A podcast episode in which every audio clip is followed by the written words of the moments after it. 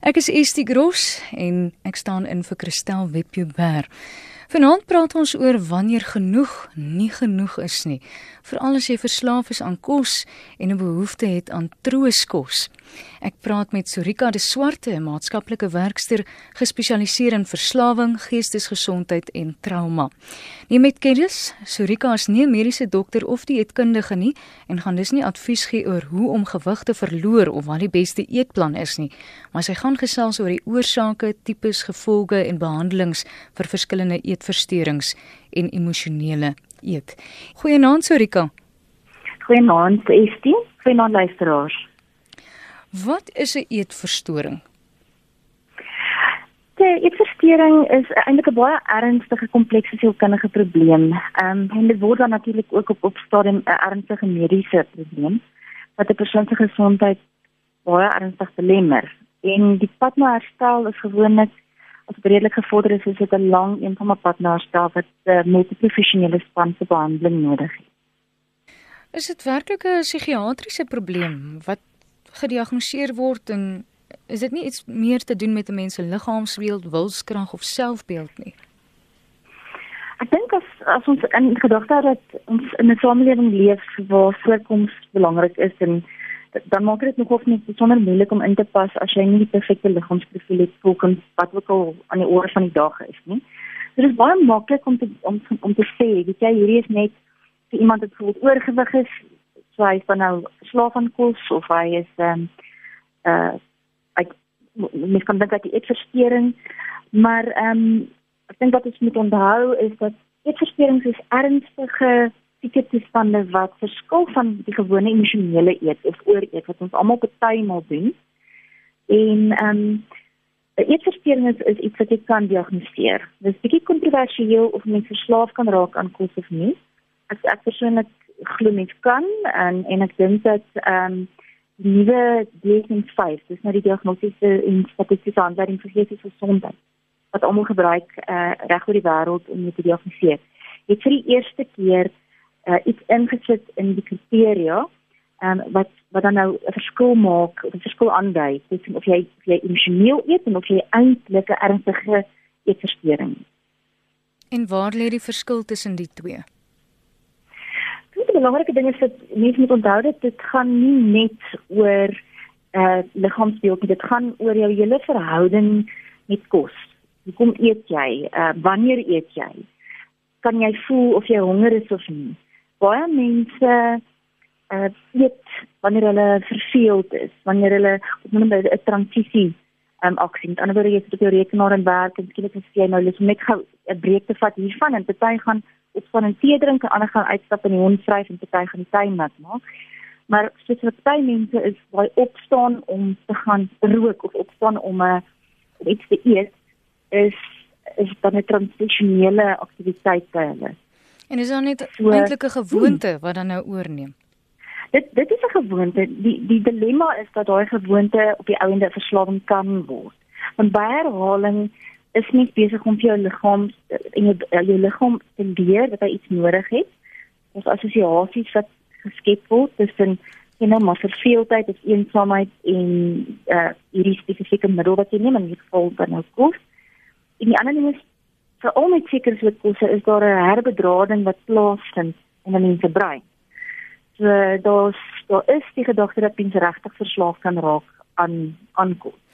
So Rika, is nou 'n baie interessante vraag. Iemand vra, het dit nie iets te doen met ons kultuur van vertroosting met kos nie? As jy sleg voel, moet jy eet. O, ek het baie van daai vraag. Ehm um, ek dink ek het ook so groot geword en en ons almal ken die reëls, nee, jy moet alles op jou bord eet, maak nie saak of jy versadig is of nie. Jy kry net nagereg as jy jou kos klaar geëet het kos mag nie gemors word nie want ons honger kinders in Ethiopië en die nommer op die skaal gaan bepaal of jy nou goed lyk of nie. Maar dis is dis is tipiese goed wat wat ons leer wanneer ons klein is en ek en, en dit is so. As as jy iemand wil beloon, pragtige rapport, dan gaan eet jy uit of of jy voel nie lekker nie, so jy gryp 'n bak roomys. Ons troos, ons beloon onsself met met kos. En dis dis hartseer want wat eintlik gebeur is ons het instinktiewe bewustheid van wat ons liggame nodig het. Wanneer ons wanneer ons babas is, dan drink jy net melk totdat jy nie meer honger is nie. Dan begin hmm. hulle dan begin jy daai bottel wegstoot. So op daai stadium is jy net nog bewus van dit wat jy nodig het en wat jy nie nodig het nie. Jy reageer op die boodskap van jou lyf af. As ons ouer word en ander mense begin vir jou opskep en jy sê wat jy moet eet, moet jy die syne in jou liggaam begin ignoreer. En in 'n 'n wêreld waar ons so besig is met so verskriklik baie dinge, dit vir lawaai en so goed ek nie se aandag aftrek jy sit byvoorbeeld in televisie kyk terwyl jy eet het ons totaal afgeleer om te luister na die boodskappe wat van die liggaam afkom. So ehm um, ek dink dit is 'n baie baie belangrike punt kultuurgewys mense sal byvoorbeeld nie verstaan dat hulle daai net alles op jou bord of jy nou versorg is of nie anders word die kos gemors. Nou 'n vraag wat ek dan nou net altyd vra is as jy die kos op jou lyf mors en of jy die kos in die asblik mors en of jy dit in 'n bakkie sit vir die volgende dag. Uh wat is wat is die ergste opsie? Die kos gaan in elk geval nie Ethiopië toe nie. So ek sien ek kon nooit daai som myself maak nie. Vervoerband in die huis waar die kos nou so ja, ja. Maar ons is so geprogrammeer dat dit is jy mors nie kos nie. Mm. Maar weet jy as ons as ons oor eet dan mors ons ook kos op ons lywe is so. En, en watter een is dan nou die meeste skadelik? En wat vir my baie um opvallend is wat jy sê, ons ignoreer ons liggaam. So daar is seker ook 'n emosionele konnektasie daaraan. Ignoreer as jy jou liggaam ignoreer, ignoreer jy seker ook die emosionele aspekte van jouself. Dis dis baie waar. Ek ek op op 'n manier is ek ek kan net gou onderskei, so of dit eetversteurings en dan net ons wat ons noem emosionele eet en dan is daar iets wat ons noem kosverslawing. Ek dink dit word binge eating disorder genoem. Dit is dit is 'n element daarvan eh, wat diagnoseerbaar is. En ek dink die verskil tussen al die ag die ooreenkoms tussen al hierdie goeters is die kos dit gaan nie oor die kos nie. Dit gaan oor alles rondom die kos. Dit gaan oor kos wat gebruik word wanneer 'n mens verveeld, honger, buite beheer, leeg, alleen, wat ook al voel dit is natuurlik ook so dat die oomblik dit amper soos soos om verslaaf wees aan 'n middel. As as mens nou dink aan emosionele eet of of, of spesifiek miskien kompulsiewe eet. Die oomblik wat jy daai middel wegvat kom ons sê alkohol. Iemand verslaaf is aan alkohol. Die oomblik wat jy daai middel wegvat dan skielik word jy nou oorval met al die probleme wat jy nooit hanteer het want dit is nie nodig gehad iemand het alkohol gedrink. As iemand jou hartseer gemaak het het jy alkohol gedrink. Alleen maar het jy alkohol gedrink. Nou vat iemand dit weg. Nou begin die probleme jou pla. So jou jou deprivasie gaan heel waarskynlik lei tot dat jy dan gaan ehm um, wat ons nou sal sê binge of storm. Jy kan dit self kan is, is so net tot die oomblik dat jy jouself kos weghou, dan gaan die goedes die emosionele goed opkom wat jy nooit hanteer het nie. Want jy kos gebruik om minder te voel. So met ander woorde, jy sê daar's verskillende maniere van eet tipes eet wat mense toepas? Ja, dit is baie interessant. Ek het dit nooit geweet nie. Ek het net geweet ek is ek is uh, basically skuldig aan aan al die maniere.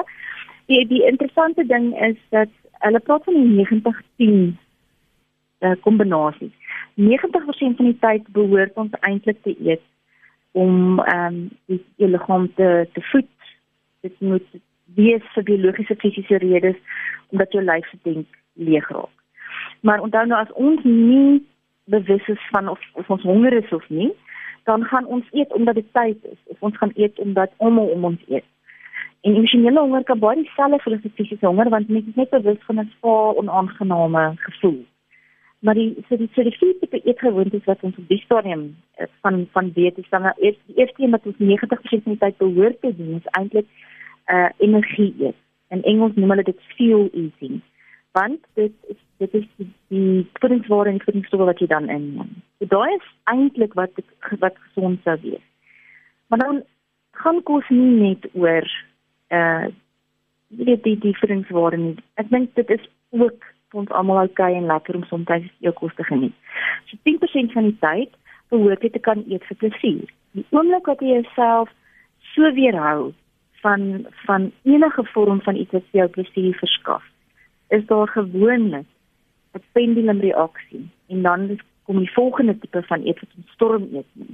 So die eet wat plesier is jy beplan vooraf. Jy gaan moet kies. Jy kan nie die burger, die chips, die die, die, die dubbel dikte melkskommel en die kaas eet nie. Jy moet nou maar besluit watter van daai goed is en jy weet hoeveel keer 'n week en dan moet jy self toelaat. En dan is daar nou die storm eet en dit voel letterlik soos 'n storm. Dis buite beheer. Jy eet alles wat voorkom, jy eet wat jy siek voel. Uh dis dis nogal iets wat ons altyd kry by mense wat uh, kompulsiewe eet gewoontes het. Mm -hmm. Kyk, ek kry dit ook by mense met anorexia, met bulimie en so meer. So daai is 'n totale buite buite beheer. Wat natuurlik lei tot skuldgevoelens en skaamte en mense wat probeer ontslaa raak van kos en so meer. En dan die ander een is die onbewuste een. En dit is een, iets wat ek baie skuldig aan is.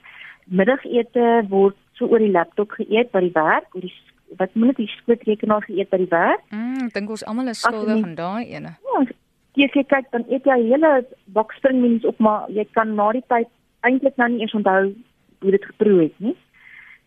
Of mens kuier saam met mense en net soos wat drankies of glase vol gemaak word met alkohol, net so skiet mens maar weer in. Partymal om die gasvrou te laat verstaan die kos is lekker ander kere want die geselskap is vervelig uh, of jy voel alleen of wat ook al. Ja, ja. So, dit is daai in in Engels praat hulle van fog eating. Dit is asof jy so in 'n mis of 'n waas is. So jy besef nie regtig wat jy alles eet nie. So Rika, as ek reg verstaan, dan is daar die regte manier van eet is nou vir energie. En dan is dit die plesier, kan ons maar so 'n 90-10 persentasie, ja. ja. En dan storm, die storm en onbewuste is eintlik nou die gevaarlikes. Dis ja, dis die wat mense ek dink aan wil werk en en probeer om te voorkom. En die onbewuste een is baie direk verwant aan die feit dat ons nie meer bewus is van wat ons lyf ons sien. Hmm. En of dit te doen het met trauma, en jy geleer het om nie te luister na jou lyf nie, of dit te doen het met kultuur en die manier waarop ons grootgemaak is en by herhaling geprogrammeer is op 'n spesifieke manier te eet. Ehm um, dit, dit is wonderlik as jy kan uitvind hoekom dit is, maar dit is belangriker om weer te kan voel wat jou lyf sê. Is ingeskakel op er... vertrou in ons lyding, nee. Ekskuus, ja, nee, dit is 'n heeltemal 'n verbinding tussen die emosionele en fisiese. Dan is daar 'n wanfunksie. Die verhouding ja. is uit. Ja. Ek wil net sê geestesgesondheid. Ek sien daar's 'n paar mense wat vra juis oor die ander spektrum as mens nou weet te min eet. Ek gaan nou daarby uitkom. Ons praat gou oor as jy te veel eet en jy's baie welkom om te skakel as jy 'n vraag het. Die nommer is 0891104553. My naam is Estie en my gas vanaand is Sorika de Swart. Sy's 'n maatskaplike werkster en sy spesialiseer in verslawing geestesgesondheid en trauma. As jy eerder verkies om 'n SMS te stuur, onthou jy's baie welkom om anoniem te bly ook 45770 R1.50 'n SMS en alternatiefelik kan jy vir my 'n e e-pos stuur na rsg.co.za. Nou het ons gepraat oor die vier tipes van eet. Maar kan 'n mens ja. regtig verslaaf raak aan kos en wat is die invloed van al die suiker en vette wat in ons kos is? Ja, dis 'n interessante ding nie. Al die jare het ons gesê kom ons haal die vette uit. En so die kos het al slegter vir ons geraak en om dit om dit bietjie meer smaaklik te maak het al meer sout en suiker ingeglip in kos wat nie tuis voorberei word nie of selfs vir ons wat wat hou van kos wat dan heerlik proe en mooi lyk. Ehm um, so wat wat gebeur met die tyd is ons het agtergekom dat spesifieke soorte kos gaan dieselfde effek hê op jou brein as wat dwelmmiddels byvoorbeeld het. Dit dit aktiveer die plesierpad in jou brein. Sjoe.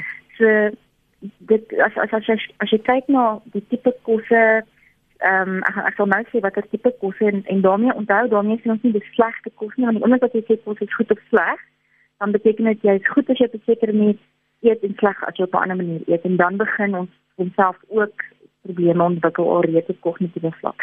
So dit gaan oor die balans, die 90-10 balans. Maar ek dink navorsing het ons gesê goeie soos ehm uh, ehm um, sable byvoorbeeld, eh, sable of So as jy te veel, dit is kom ons ons vir 'n bak roomys of melk kom wil gaan wanneer jou hart gebreek het. Mm. Want jou nou verlos het, dit gelos het. En dit is ook die endorfine natuurlik is ook iets wat pyn help dit is nog genoeg om eet baie keer omdat ons fisiese pyn net ons besef dit nie. Nou, wat gebeur is wanneer jy dit een of twee keer doen, is dit nie 'n probleem. Ons almal het daai ek net dink net voel van Kerstyd of met 'n verjaarsdag of wat ook al. Maar dit as jy baie herhaling vir jou brein hierdie boodskap. Dan gaan hy gewoond raak en hy gaan uitgeput raak. Die die, die dopamine wat jy laat goed voel raak uitgeput. So dan moet jy al meer gebruik, net die blanding. Al meer van die spesifieke goed gebruik. Van kosse gebruik. Sure. Om lekker te voel. Dit jy jy bou 'n toleransie op. En dis 'n definisie van 'n verslawing. Dit is en dit is en dit is waarom ons glo dat ons ons noem dit nog nie die farm kos verslawing nie. Dit is nou maar iets wat ons in die media gebruik. Dit is nie iets wat jy also kan diagnoseer nie, maar ons wat daar wat werk in die veld kan vir jou sê verseker. Uh, wat hulle dit ook al wil noem in die DSM-5 nie kan verslaaf word aan. Hmm. En ek dink die, die belangrike ding om te, te weet en mense sal op hulle rug val as hulle dit hoor, maar suiker is tienmal meer verslawend as kokaine. Sjoe. Dit is 'n stelling om te maak. Ek gaan nou by jou weer naby aansluit Sorika. Ja. Ek wil net gehoor wie is hierso. Geestes nou. Goeienaand. O, oh, gits probeer asseblief weer skakel 0891104553. Ek hoor graag van jou. En ek wou sê Sorika het net nou die verslawing aan kos vergelyk met alkohol en dit kan dalk 'n paar ja. mense skok om om dit te hoor. Mm. Moontlik ja, want niemand van ons wil dink dat ons dat ons verslaaf is, maar dit kom ook net vir duidelik maak. Onthou daar is diagnoseerbare eetversteurings. Dis die een kant van die konsum. Dis baie ernstig en daarvoor het jy 'n professionele span nodig. Jy gaan nie noodwendig op jy gaan nie waarskynlik op jou eie net regkom nie. Ehm um, daar daar probleem lê verskillende vlakke en lae. En dan is iewers in die middel mense wat wat kommerwekkend of ongesond of disorganiseerd is. En dit is nie 'n eetversteuring nie, maar dit is 'n broeiplek vir slegte gewoontes wat dan nou wel op 'n stadium 'n eetversteuring kan word as jy daaraan gaan aandag gee. En dan is dan natuurlik die meer gesonde manier uh om te eet. Maar die die dilemma is dat net soos met met nikotien, alkohol, kokaine en heroïne, word presies dieselfde plek in die brein geaktiveer deur goed soos byvoorbeeld suiker, kafeïne, spesifiek sekere suiwels en die die fynste ehm um, koolhidrate waarvan suiker natuurlik nou een is. So ons ons weet dat dat hierdie spesifieke kossoorte gaan die brein se plesierpad aktiveer. En dan gaan jy meer daarvan. Dis hoekom as as jy hartseer is, jy nooit gryp jy na die wortels nie. Altyd die roomys op die sjokolade of want jy praat jou brein om seker goed af te skei wat jy laat beter voel. Jy praat die waarheid daar. Kom ons hoor gou wie is hierso. Geestesgesondheid goeie naand. Is nie goeie naand. Goeie naand. Uh, is naam by ander meisie ook. Uh dis Jan Ellis. Ja ja. Ek nog nooit iets sê oor haar verduidelik van die brein en alles, maar ek kon nog nooit die uh, verstaan dat kos verslawend is nie. Want kyk, hier's geskape die mens dier plant is geskaap en daar's twee nie twee is geskaap vir eet nommer 1 en nommer 2 voorplanting. So ek kan nie dit verstaan nie. Maar uh ehm uh, uh wat ek doen met kos is byvoorbeeld ek as as jy nou wil wil ehm um, ek sê nie goed uit nie. Kyk, ek skep die vet af. Jy weet ek kook die kos, die vleis byvoorbeeld en dan laat staan hom dat dit koud word en dan skep ek die vet af. En voor ek eet, eet ek 'n appel of iets uh, of 'n raspberry appel.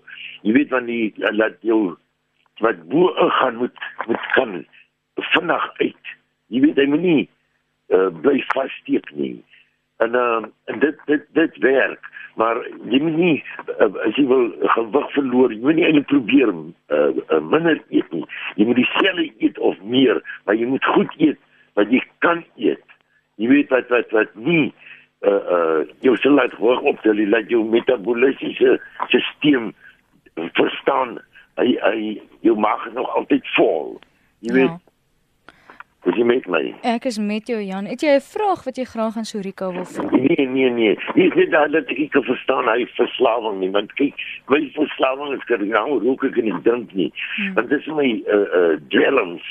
Dwelms is is verslawing. Ek kan nie kan nie uitmaak want dis wie ek kyk hulle is my getuigsgebakte brood man. Ek moet jy verslaaf daaraan nie. Jy weet en uh, ek het ook so weer twee weke lank te kry bak ek vir elke dag 'n brood. Dis reg, Jan. Dankie vir jou bydrae. Okay, my kind, dankie. Kom ons kyk wie's hier. Geestesgesondheid goeienaand. Hallo my, ek kom sê nog 'n depel by hoe gaan dit? Goed en jy Gert? Klaar nie man. Nee, so ek was vir 30 jaar 'n diabetes. Nee? En ek het toe gaan vir 'n maagoperasie is voor en ek moes vir 6 weke nou die springing wat in in jou in jou darmsteek wat by jou maag uitkom. Uh toe verby kom. En ek kon niks sê lekker 30 kg en 6 weke is dit tyd vir. Ehm uh, daarna het ek nie weer uh is ek nie meer diabetes nie. Ek drink geen pille nie so vir 2, 3 jaar lank. En uh ek wil net weet uh, uh is dit normaal of nie want uh, die dokter sê maar jy moet jy gewig verloor het, het jy het jy jou teruggekry soos normale mense. Ehm um, So ek weet nou nie. Wat so, gaan ek? Ek dink ek het amper hierdie kafees leeg gekoop met met met suikerkoekies en swaar geëet. En nou het ek dit gelos en ek weet hoe om net beskuit en nie aan te so ontdek is maar nog mens vir die radio en so. So Gert, uh, ek wil net seker maak ek verstaan jou reg. Jy wil graag weet of jy nou suiker kan inneem. Uh, ek het nie net vir soete, dit gebeur niks nie. Ja. Uh, my my my bloed by die chat is nie 12 en 7 normaal wel maak jy sê wat ek het nie. Maar jou verhouding met kos is wel reg. Het nie 'n probleem met ja. eet of so? Ja. Ja. Dis goed dat ek kan net maar hoor wat sê jy dan lees ek weer radio hoor. Alles reg dankie dat jy geskakel het Gert. Sorika goed hoor. Ja. Uh, ek ek wil graag so 'n kommentaar lewer op die eerste uh, uh, luisteraar en dan wil ek aansluit by die tweede een as ek mag. Ja, seker, Jan het gevra oor sy metabolisme. Ek het nooit ehm um, gedink dat mens aan kos verslaaf kan raak nie. Maar as jy baie jare terugdink, dan het ek net gedink jy kan jy's regtig verslaaf aan alkohol nie. Dit was dit was ons gedink is 'n morele verval of 'n gebrek aan selfbeheersing. Hmm. Maar wat ons intussen met baie navorsing en epigenetika agtergekom het is, is regtig as jy spesifieke kosse eet, baie herhaling en jy is jy is iemand wat van in 'n individuele kategorie of die gepredestineerde kategorie, wanneer jy is waarskynlik het jy 'n genetiese samestelling wat jou makliker aan verslawing blootstel, dan word daar 'n her, dan sien daar 'n herbedrading in in jou brein plaas.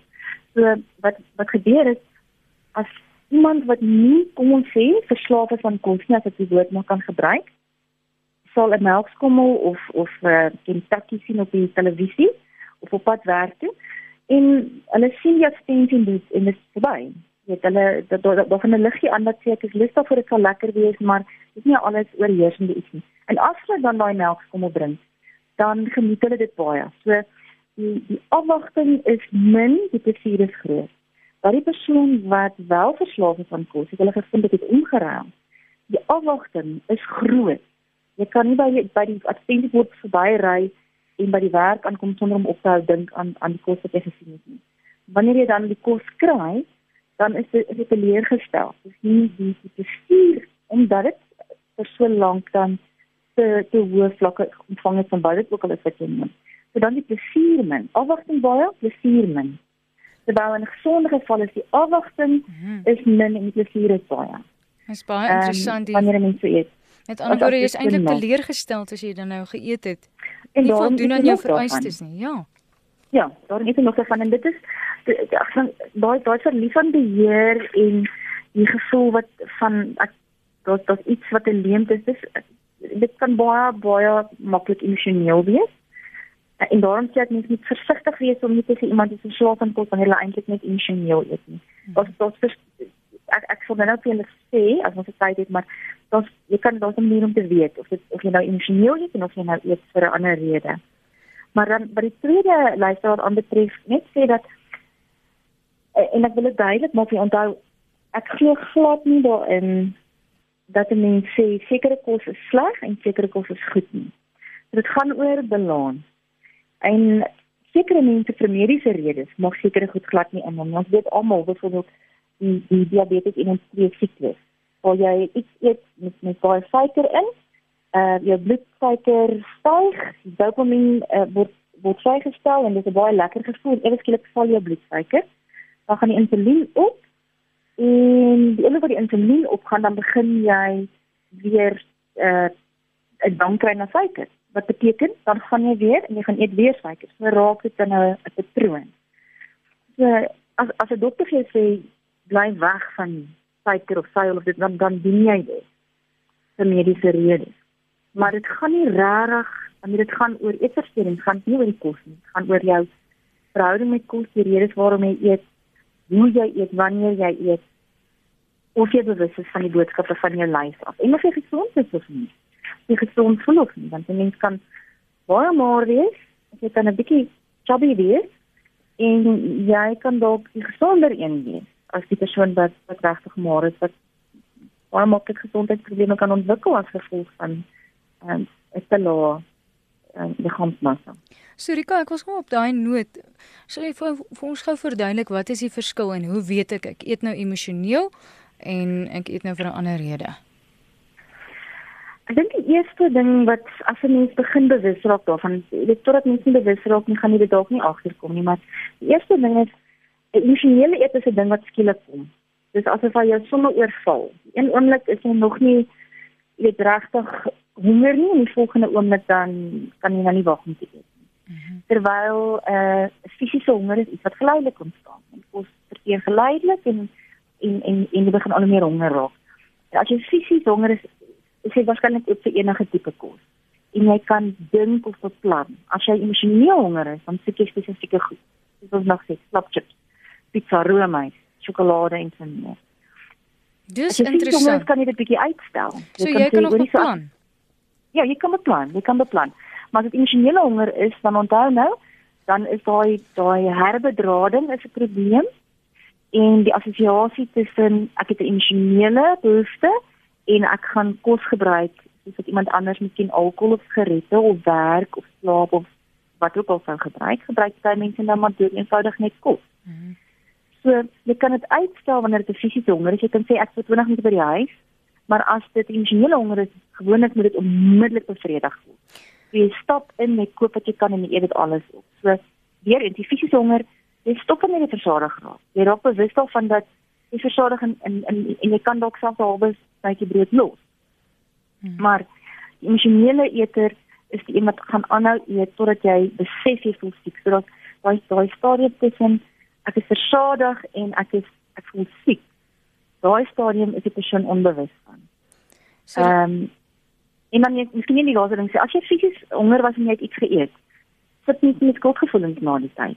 -hmm. Terwyl emosionele honger lei tot skuldgevoelens en selfhaat en verwyte jouself na die tyd.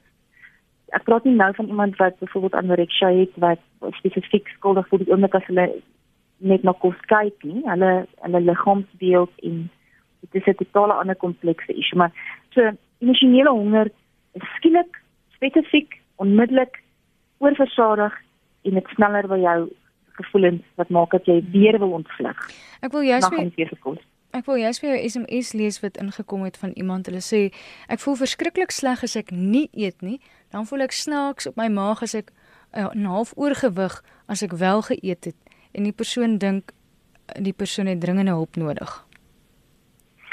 Ja, ek dink die, die heel eerste ding uh, is om om om net by 'n dokter uit te kom. Dat hulle net deeglik seker maak dat alle mediese goeders uitgeskakel word. Want onthou nou daar is 'n verskeidenheid van goed wat dit dit kan te doen met darmkanaal, dit kan te doen met uh, voedselallergieë of intoleransies. So spesifieke goed gaan jou dalk laat sleg voel en so meer en so meer. So ek dink die heel eerste ding is, is om by 'n dokter uit te kom en te sê hierdie is my simptome. Mediese dokter eers die mediese goeders uit uh uitsorteer as as dit so is. Dan begin 'n mens kyk na wanneer eet ek? Hoekom eet ek? Hoeveel eet ek? Hoe voel ek? emosioneel en fisies voor en na die tyd. So, maar as iemand besorg is, as jy besorg is oor die manier waarop jy eet, dan is dit reeds 'n aanduiding dat vir jou eie gemoedsrus, jy moet gaan vra vir hulp. Ehm um, jy jy kan self help goeders probeer doen, maar ek ek sal altyd sê net as jy gaan kyk net eers ook na die mediese. Daar's nog baie aspekte waar ons moet by uitkom, uh, Surika, maar ek wil net graag vir jou die volgende boodskappe lees. Dis nou weer aan die ander kant van die skaal. Ek gaan ja. deur 'n verskriklike trauma wens die verklaring van mediese ongeskiktheid by die werk, soos in die ou dae genoem boarding. Ek is so getraumatiseer dat ek al vir 7 maande omtrent glad nie eet nie. Ek leef op kook en melk en word glad nie honger nie. Is dit nou al 'n psigiatriese probleem? Wil anoniem weet. Hmm.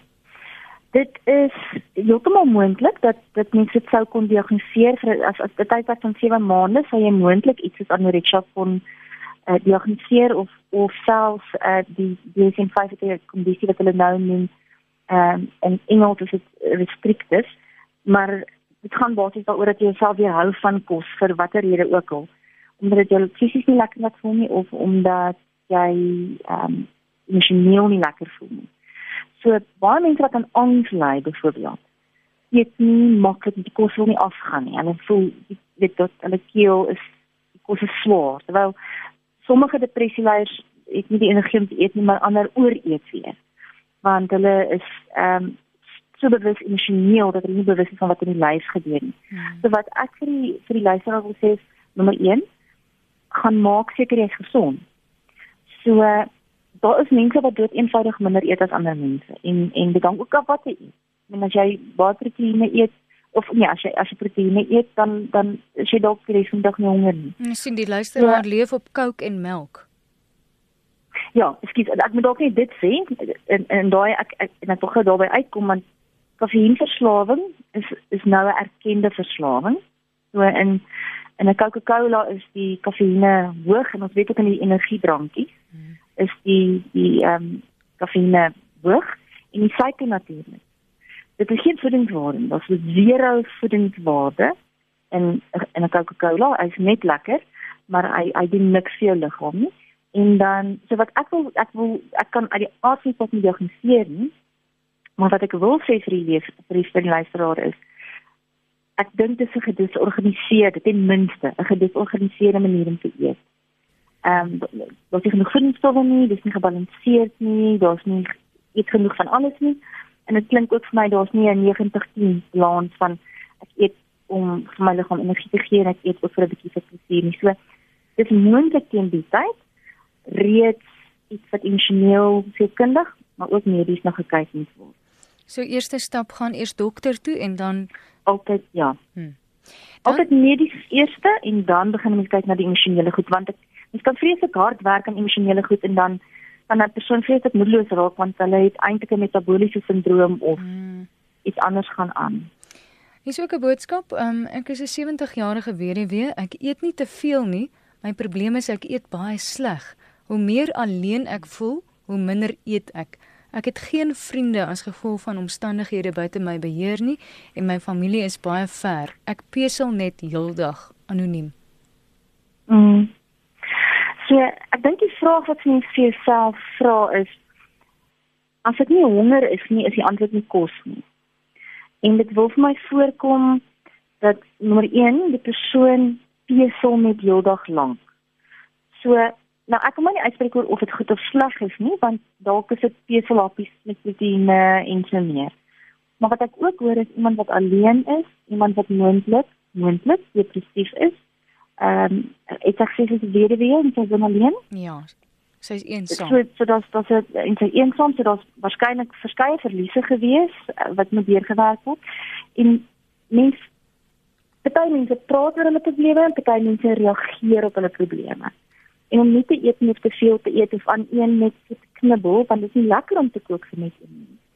Hmm. Dis moeite om vir net een mens drie goeders te kook ons vind dit baie by die bejaardes dat hulle hulle pik en petel so half nie. En dan is dit nogal eintlik belangrik dat hulle dat mense kyk, hulle kan by mekaar kom en eetes maak of hulle kan eetes wat aflewer al is dit elke tweede dag hulle dit aflewer. Dit net seker maak jy jy kry regte voedingswaarde in en van. So ek, ek dink hier moet ons ook weer gaan kyk want onthou jou beendigtheid word beïnvloed as as mens nie eet nie. En dit is baie belangrik by die jades. Anders het mens net vroeër met gebreekte heupe en so aan. En emosioneel gaan mens ook agteruit as jy nie gesond voel nie. So weer eens, eers by 'n mediese dokter uitkom kyk of aanvullings nodig is, kyk of iets nodig is die die die verlies aan genot, die verlies aan eetlus is dalk depressie. Hmm. Dit en dan moet mens vir depressie behandel word. Nie noodwendig die manier waarop jy eet en dit gaan dalk organies regkom dan. Sorika, daar's nog soveel wat ek jou wil vra en ons tyd is al reeds min. Wat is die ander oorsake van eetversteurings en is dit dieselfde as emosionele eet? Emosionele eet gaan altyd gaan suiwer net oor in in Engels is, is baie maklik om wat van halt be. Hunger, anger, lonely, tired or bored. Die emosionele eet gaan oor as jy kan as jy daai goeders voel. Dan ek mens daai daai onmiddellike behoefte aan fisieke goed en jy eet totdat jy sleg voel. Ehm um, terwyl nou ek my trein nie kan die stadie verlaat. So, uh, wat het wat het jy gevra? Ekskuus, sê gou weer vir my. Net die oorsake, wat is die ander die oorsake van eetversteurings en is dit dieselfde okay. as emosionele? So die een is is emosioneel, maar dan ander goeie wat ons in gedagte moet hou is dat as mens kyk na as mens begin dink aan sekere soorte eetversteurings en jy dink aan verslawing, dan moet mens onthou daar kan 'n familiegeskiedenis van verslawing wees. Party mense het 'n neurotransmitter wanbalans en dis daai wat ek praat van die herbedrading van die brein tyd bly in 'n toksiese voedingsomgewing. Dit is hier waar ander mense vir jou kos gee of jy kan nie kos kry nie of of word vir jou neergesit en, en maar jy jy kan nie eet nie want jy voel verswak en dan word die kos jy weggevat. Allergie, intoleransies, metabooliese probleme, hormonale wanbalans, uh, skopieleptin, baie tipe van goeters kan dit ja ehm die, die uh, geïrriteerde maagkanale hmm. en dan natuurlik emosionele trauma en spanning. So En aan elke een van die daar's daar's verskeie diagnoseerbare eetversteurings. So dis ons produs die extreme. Ehm um, en elkeen van hulle word op 'n ander manier gediagnoseer met 'n spesifieke kriteria en daar's ook verskillende redes, maar dit gaan baie maal maar oor hungry, angry, lonely, tired, bored of die lewe wat buite beheer voel. So dis eintlik 'n manier wat jy jou vinnig jouself net kan kontroleer en sê as ek nou honger, as ek nou moeg, as ek nou verveeld voordat jy gryp hmm. na daai koekie. ja, ek dink iemand iemand het dit baie goed gesê, jy weet as jy yskas toe stap en jy maak oop en jy kyk net wat daar binne aangaan, moet jy jouself vra of dit wat jy soek eintlik in die yskas is. Aha. Want dit is dit is dalk ook net een van daai transisionele aktiwiteite. En en daar's ons kon gebruik dis dat mense 'n hongerskaal het of 'n kosdagboek. So sodat hulle half leer om mense nou 'n bietjie daaroor gaan nalees maar dat, dat mense leer om tussen ehm um, om nie bo plus 5 te eet en onder onder 5 is nou is nou spesifiek iets wat hulle kan gaan oplees hungerskaal of hongerskaal in Afrikaans ook. Wat vir jou leer om om op te eet voordat jy versadig is om eintlik amper spasie wees vir nog voor ons kom by die strategie hoe lyk 'n gesonde eetpatroon in 'n neutedop Ek dink dit is wanneer dat dat jy eet wanneer jy wanneer jy honger is, maar dit is seker maak dat anders is nie geprogrammeerde eet eet ek eet 8 uur en 12 uur en 7 uur nie. Dis nie noodwendig wat belangrik is nie. Gebalanseer, nie geprogrammeer. So al al eet jy 6 keer 'n dag, wat is dit wat jy inkry? En natuurlik 'n ander ding is ehm um, beweeg jy genoeg dat jy die hoeveelheid kalorieë wat jy inneem kan verbrand anders uit die afsien saak gaan mense ongesond voel, onfiks voel en so meer. As jy jouself elke dag begin weeg, dan wonder ek of jy jou selfword net aan die, aan die nommer op die skaal. Ek dink dit is ongesond. So meeste mense sal sê voel aan jou klere. Ehm um, jou klere wat jy aan het wat gemaklik is wanneer jy goed lyk. Dit is dit moet jou aanduiding wees van eh uh, dat jy op die son gesond eet. En dan natuurlik net nie as jy gesond eet. Maak nie saak of jy nou 90-10 eet al iets of eet jy ook vir die lekkertes ons. As jy gesond eet, het jy nie skuldgevoelens nie. En uh, jy kan kos los. In die middel van 'n van 'n ete kan jy besluit maar ek is nou versadig, ek los hierdie verlate. So is amper beheer oorneem van jou eie eetgewoonte. Absoluut. Dit die die grootste probleem is dat ons ons ons ons ouers neem beheer oor die oomblik as hulle vir ons begin kos inskep. En dit is ongelukkig, dit is iets wat jy kan nie self as jy baba is kos inskep. Maar in steede van vir die kind te leer om te te, te luister na jou na sy lyfie of haar lyfie en dit net jou te kommunikeer op 'n manier, is ons geneig om ons ons weet dit net kos in in hulle monde en as hulle as hulle ooit sê. Hm. En wat dan later gebeur is ons vertrou nie ons lywe nie, ons ons hoor nie die boodskappe nie, so dan sien ons verheer oor aan die ete. En ons volg die een dieet na die ander dieet. Want ons soek nou 'n struktuur, ons soek beheer en al daai dinge mag ek die woord sê override hmm. jou liggaam se eie boodskappe. So die belangrikste ding is ons praat van uh mindfulness, mens moet weer bewus raak en kreatief raak. En daar en dit kan jy net doen deur bewus te wees van wat in jou lyf aangaan. En soms is dit omdat 'n emosionele trauma is wat 'n mens nie in jou lyf nie wil voel wat in jou lyf gebeur nie. So Rika, um, om my af te sluit het nou al reeds 'n paar idees gegee van hoe mens meer bewuslik kan eet, want ek dink dit kom eintlik nogal neer daarop dat mens meer bewus is ja. van jou liggaam en om te eet en die hele ding van matigheid voor oë. Het nou al genoem ja. van die kosdagboek en 'n hongerskaal, maar mens moet seker nie water onderskat nie. Mens is dalk net dors en dan eet jy. Ek wil absoluut, absoluut. Ek dink ons jy jy voel iets in jou maag en dan dink jy jy is honger. So baie mense sê ook drink eers 'n glas water en as jy dan honger is nog dan eet jy. Ehm um, dit beperk in elk geval die hoeveelheid wat jy inneem. Uh so die die ander man wat ingedaai het gespreek het van 'n appel wat hy eet voor ete. En as dit vir hom werk is dit wonderlik. Hmm. So ja, mens moet altyd ehm um, kyk jy, jy gaan op baie swak begin voel as jy nie genoeg uh, vloeistof inkry nie. En dan gaan 'n mens waarskynlik jouself suiker en koffie wil inneem om jou jou jouself bietjie te lig en jou energie vlakke te lig. Die water is ontsettend belangrik. En dan en beweging is belangrik. Ek sê nie jy moet elke dag die kilos gaan draf nie want ek doen dit self nie, maar ons moet ons moet genoeg beweeg want dan boonop die feit dat ons bewus raak van wat in ons lywe aangaan is dit ehm um, iets wat help in depressie, dit help met angs, dit help met verveeldheid. Dit is 'n gesonde transisionele aktiwiteit en ehm um, dit eintlik onderdruk mense eetlus. Hm. Dis geen oorgestelde effek as as as wat mense weet met van die ander goeie sou kry. Serika, ek dink daar is nog baie aspekte wat ons oor kan praat oor eet want dis iets wat ons elke dag doen. Ons het nodig om te eet. Maar dis weer eens net weer gewoontes wat ons aanleer en eintlik onsself ontneem van 'n gesonde leefstyl. Absoluut, absoluut. Baie dankie vir jou tyd Sorika. Ehm um, jy is welkom om vir Sorika te kontak. Haar nommer is 012 940 9555 0129409555 of jy kan vir haar e-pos stuur na sorika.d@midstream.co.za en dan kan hulle ook na midstream.co.za gaan, die webtuiste. Uh ek, ek dink hulle moet na my persoonlike webblad gaan as hulle meer inligting daar soek. En hulle van daar sal daar ook natuurlik 'n skakel wees na die Facebook bladsy en na die e-pos. Wonderlik. Dis hulle net my naam in Rika de Swart want hulle kies eers moontlik op. En Sorika met 'n D, swart. Sorika de Swart. Dis swart met 'n DT. Sy. Sorika, baie mooi aand vir jou. Dankie vir die gesels. Goed, baie dankie. Surika is swart, sy is 'n maatskaplike werkster en sy is gespesialiseer in verslawing, geestesgesondheid en trauma. Baie dankie vir almal wat aan die program deelgeneem het. Ons het vanaand veral gefokus daarop as ons te veel eet en ons het so bietjie geraak aan te min ook. Miskien moet ons 'n ander program ook meer wy aan te min.